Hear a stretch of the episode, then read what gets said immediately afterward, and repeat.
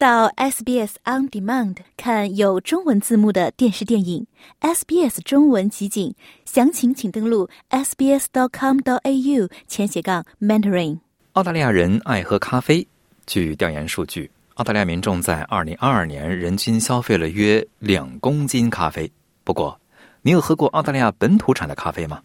澳大利亚南十字星大学的研究人员的新研究描述了澳大利亚咖啡独特的风土特色以及优势。我采访了参与该研究的南十字星大学高级研究员刘雷博士。刘博士您好。嗯，你好，Jason。刘博士，我是看到您就这个澳大利亚本土产咖啡的研究之后，才知道这个澳大利亚生产咖啡哈，本土产咖啡好像很难见到哈。你说的是这个是确实是事实，因为是这样，我们在澳大利亚本土产的咖啡产量比较小，嗯啊，大概只能供给本地市场消费的百分之一，所以你在大型的连锁超市像 Woolworths 和 Coles 是很难看到澳大利亚本土产的咖啡的。我看到您的新研究哈，描述了澳大利亚咖啡独特的风土特色，英文词叫啊，我直译过来叫风土特色，就是说怎么理解这个风土特色这个概念呢？台湾这个词本身是一个法语，嗯啊，最早是从大家对这个葡萄酒的这个感觉来的。他们发现呢，就因为在法国不同地方的葡萄酒，它的口味很不同。进行了研究以后，发现了呢，主要是和它本地的小型的这个气候，还有它的土壤环境。那么简单翻译来来说，就是风嘛，就相当于是气候。嗯土呢，就是呃，相当于是那个土壤环境这么样来的。台湾这个词本身也是相当于一个能够感觉到一个地理的一个特点产生的一个味道。相当于是独特的环境跟地理位置生产的产品，它有自己独特的特色和味道哈。咖啡的这个风土呃特色是没有被定义过的，相当于您的这份研究是首创，对吗？对我还重新定义了一下咖啡的这个风土特色。呃，那么我们认为咖啡的风土特色和葡萄酒不能完全一致。那么葡萄酒其实从葡萄采摘了以后就已经是停止了它的风土特色，它的酿造过程是不存在风土特色的。然后呢，我们觉得呢，咖啡果采摘了以后，有的人经过有氧发酵，有的人经过无氧发酵，有的人直接用太阳干燥以后，然后再直接去脱壳的。这些东西呢，都跟它其实本地的气候有很大关系，和它本地所能够得到的水资源有很大的关系。因为如果它本地是没有水的话，它就不能够进行这个发酵，所以它就不可能产生那个那些发酵的风味。所以我们认为，就是说它这个也应该是在它的风土特色里边。根据您的了解，澳大利亚产的这个咖啡有什么风土特色、特点和特别味道呢？呃，我们做了一个研究呢，是这样的：政府部门有一个叫 AgriFuture，嗯啊，这个 AgriFuture 这个部门呢，它是帮助那个正在开始就是发展的一些新型的农产品，帮助这些呃呃农业去发展。然后呢，我们等于就是帮助他们提供这种研究。经过我们的研究，我们发现呢，主要这个澳洲产咖啡呢的主产地呢，主要分为两段，嗯一段呢是在昆士兰北部，主要在凯恩斯的往内陆开一个小时吧。我还特意查了一下，它这个地点中文叫马里巴，叫 Mariba。它在这个地方比较好呢，就是因为它的海拔比较高，它在热带啊、对马里巴呢，它有海拔比较高，在五百海拔五百米以上。所以它是一个传统比较适合咖啡生长的这个地域啊、这个地方长的咖啡呃是我们一个主产区。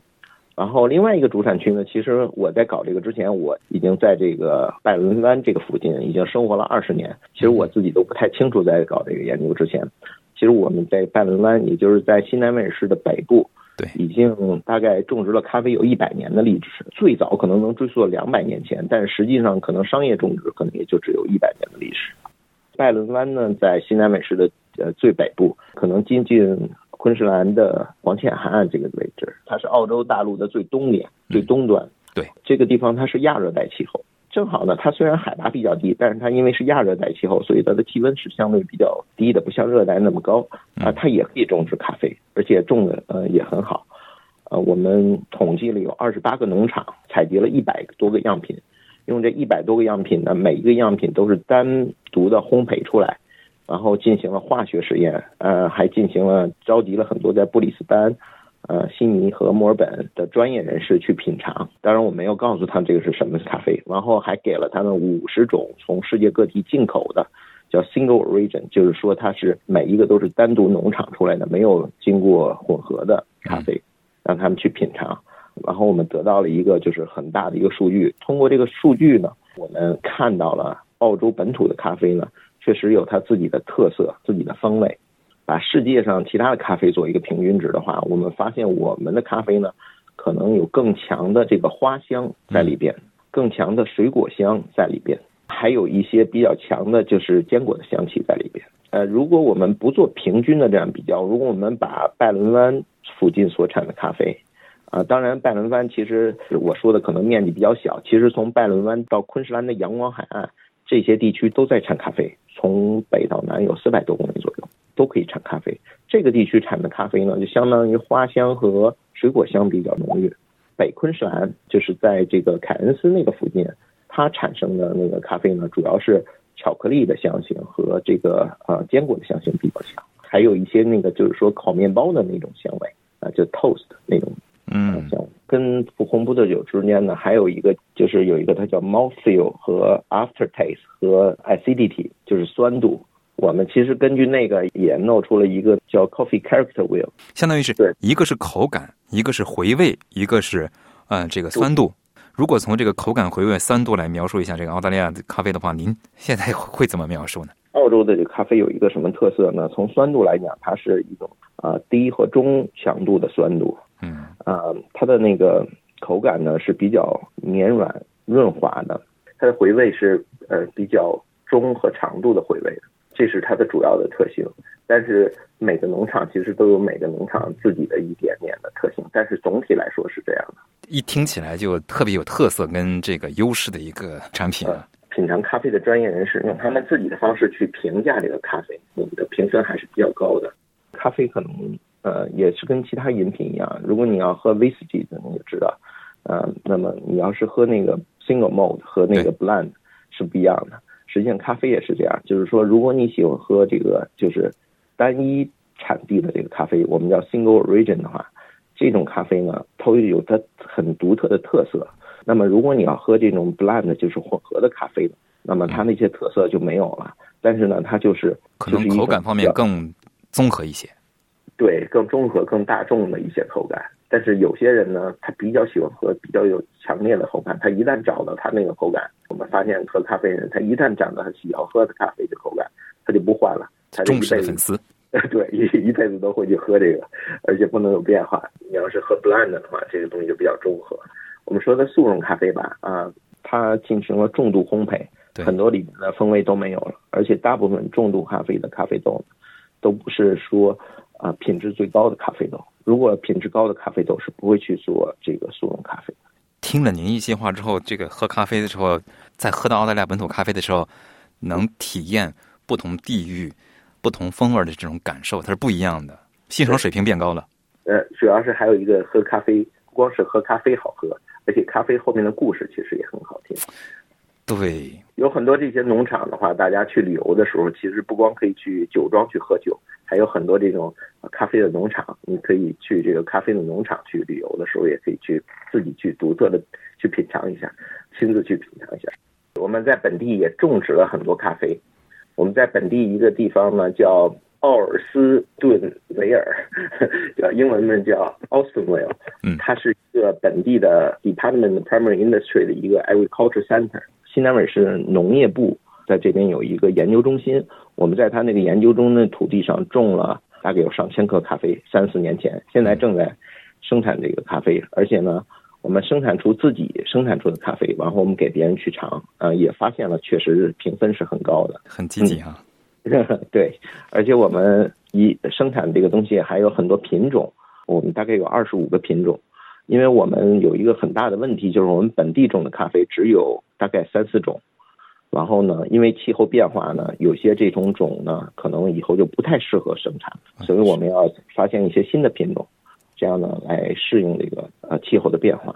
嗯，还有一个就是说，我们澳洲呃生产咖啡最主要问题是采摘，因为采摘人力采摘的呃价格实在，太贵对，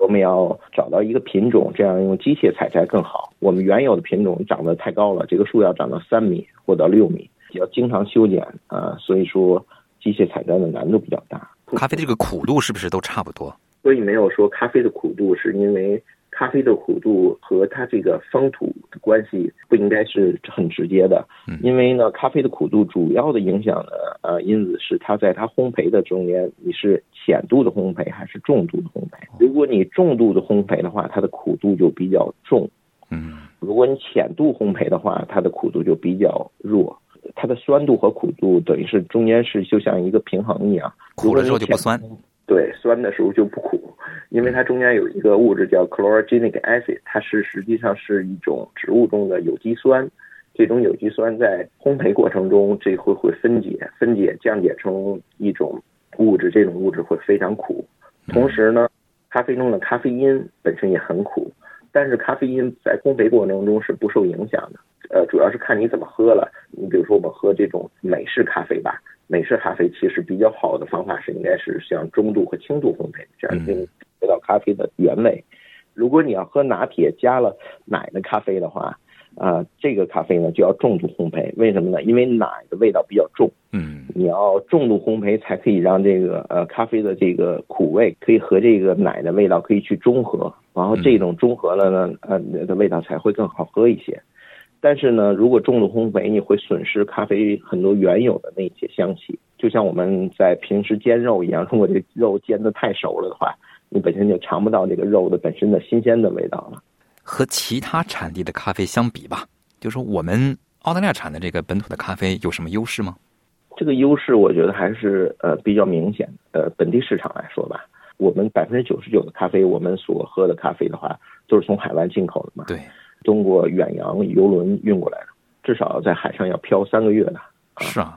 从南美洲啊，从呃拉丁美洲啊，还有从非洲啊，啊，要漂很远才能到澳大利亚的。那么这个过程中呢，那咖啡很多风味都损失了。如果我们能在本地生产咖啡，本地来呃直接进行烘焙的话，那么它很多咖啡原有的特色就可以被更高的体现出来。对，因为这个远洋的运输中，你想它的天气还有湿度这些东西都是很难控制的。呃，还有一个呢，就是说，如果减小了这些远洋的，就是运输的过程的话，也可以减小碳的排放嘛。对，对吧？也可以创造本地的一些工作机会，所以有很多很多优势在里面。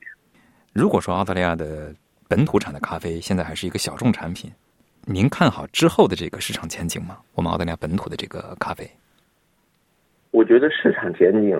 是非常好的，呃，一直是很好的本土市场的前景啊，就是说它的市场啊，怎么说呢？知道的人比较小，像你说的，你之前不知道，其实市场是非常好的，因为澳大利亚人本身他非常希望支持，如果本地的产品质量很好的话，他非常希望支持本地生产的产品。对，还有一个呢，就是说有很多，你比如说我们最开始能得到这些项目，是因为本身在堪培拉附近有一些呃咖啡馆。嗯，他只给大家提供这个呃，澳洲本地的咖啡。那么有的时候那些就是堪培拉的人要排一两个小时队才能拿到一杯咖啡。一定要品尝本土特色呀。对，是这样的。然后呢，就是他们来支持我们的项目来的时候，他就说这个咖啡能不能多种一些？嗯，其实我觉得市场前景一直是非常好的，但是就是其中种植的方法和采摘的方法这些东西呢，我们要把它更机械化、更提高效率一些。降低成本，对，要降低成本，因为我们现在的成本要比海外成本大概高两到三倍吧，至少。嗯，如果是比方说离开澳大利亚去海外探亲的话，如果你拿一个澳大利亚本土产的产品的话，本土产的咖啡的话，嗯，多有意义啊！对，你说的很对。我们虽然不能够在大的那个连锁超市中买到澳洲本土产的咖啡，这个本土产的咖啡因为它的价格相对比较高，嗯，所以大的超市认为他们没法通过这个东西在盈利，对，所以他们。接受，所以他们很多这些小的咖啡其实都是前后面是农场，前面是咖啡馆，然后呢这样生产，然后他们也在卖自己的咖啡，在网上卖，而且他们自己有一个组织，啊，我们的听众可以去搜索一下，叫 Australian Girl Coffee Association，Australian Girl Coffee Association，这个网站是新建的，它现在只有五个咖啡在上，其实它应该有二十多种。嗯呃，之所以呢是这样呢，是因为他们原来有一个 association 叫 Subtropical Coffee Growing Association，嗯 然后呢，他们觉得应该这样不太好，应该把大家都包括在内，所以他们现在改了名字，现在大家所有的产品还重新上架，啊，有这么一个过程。但是呢，你可以在那里面，你可以发现啊，至少有大概呃现在有五种了，现在他们还在一直在更新。你也可以搜索 Australian Grown Coffee，然后你可以看到它的产地，你就可以知道它到底是不是 Australian Grown Coffee 嗯，啊，就是我跟你说的这个几个产地主产地。听您一介绍，这个真的是呃，又多了一个生活的体验的一个方式吧。非常感谢澳大利亚南十字星大学高级研究员刘雷博士给我们的分享和介绍，感谢您。啊，谢谢你，Jason。喜欢、分享、评论，欢迎您在 Facebook 上关注 SBS 普通话页面。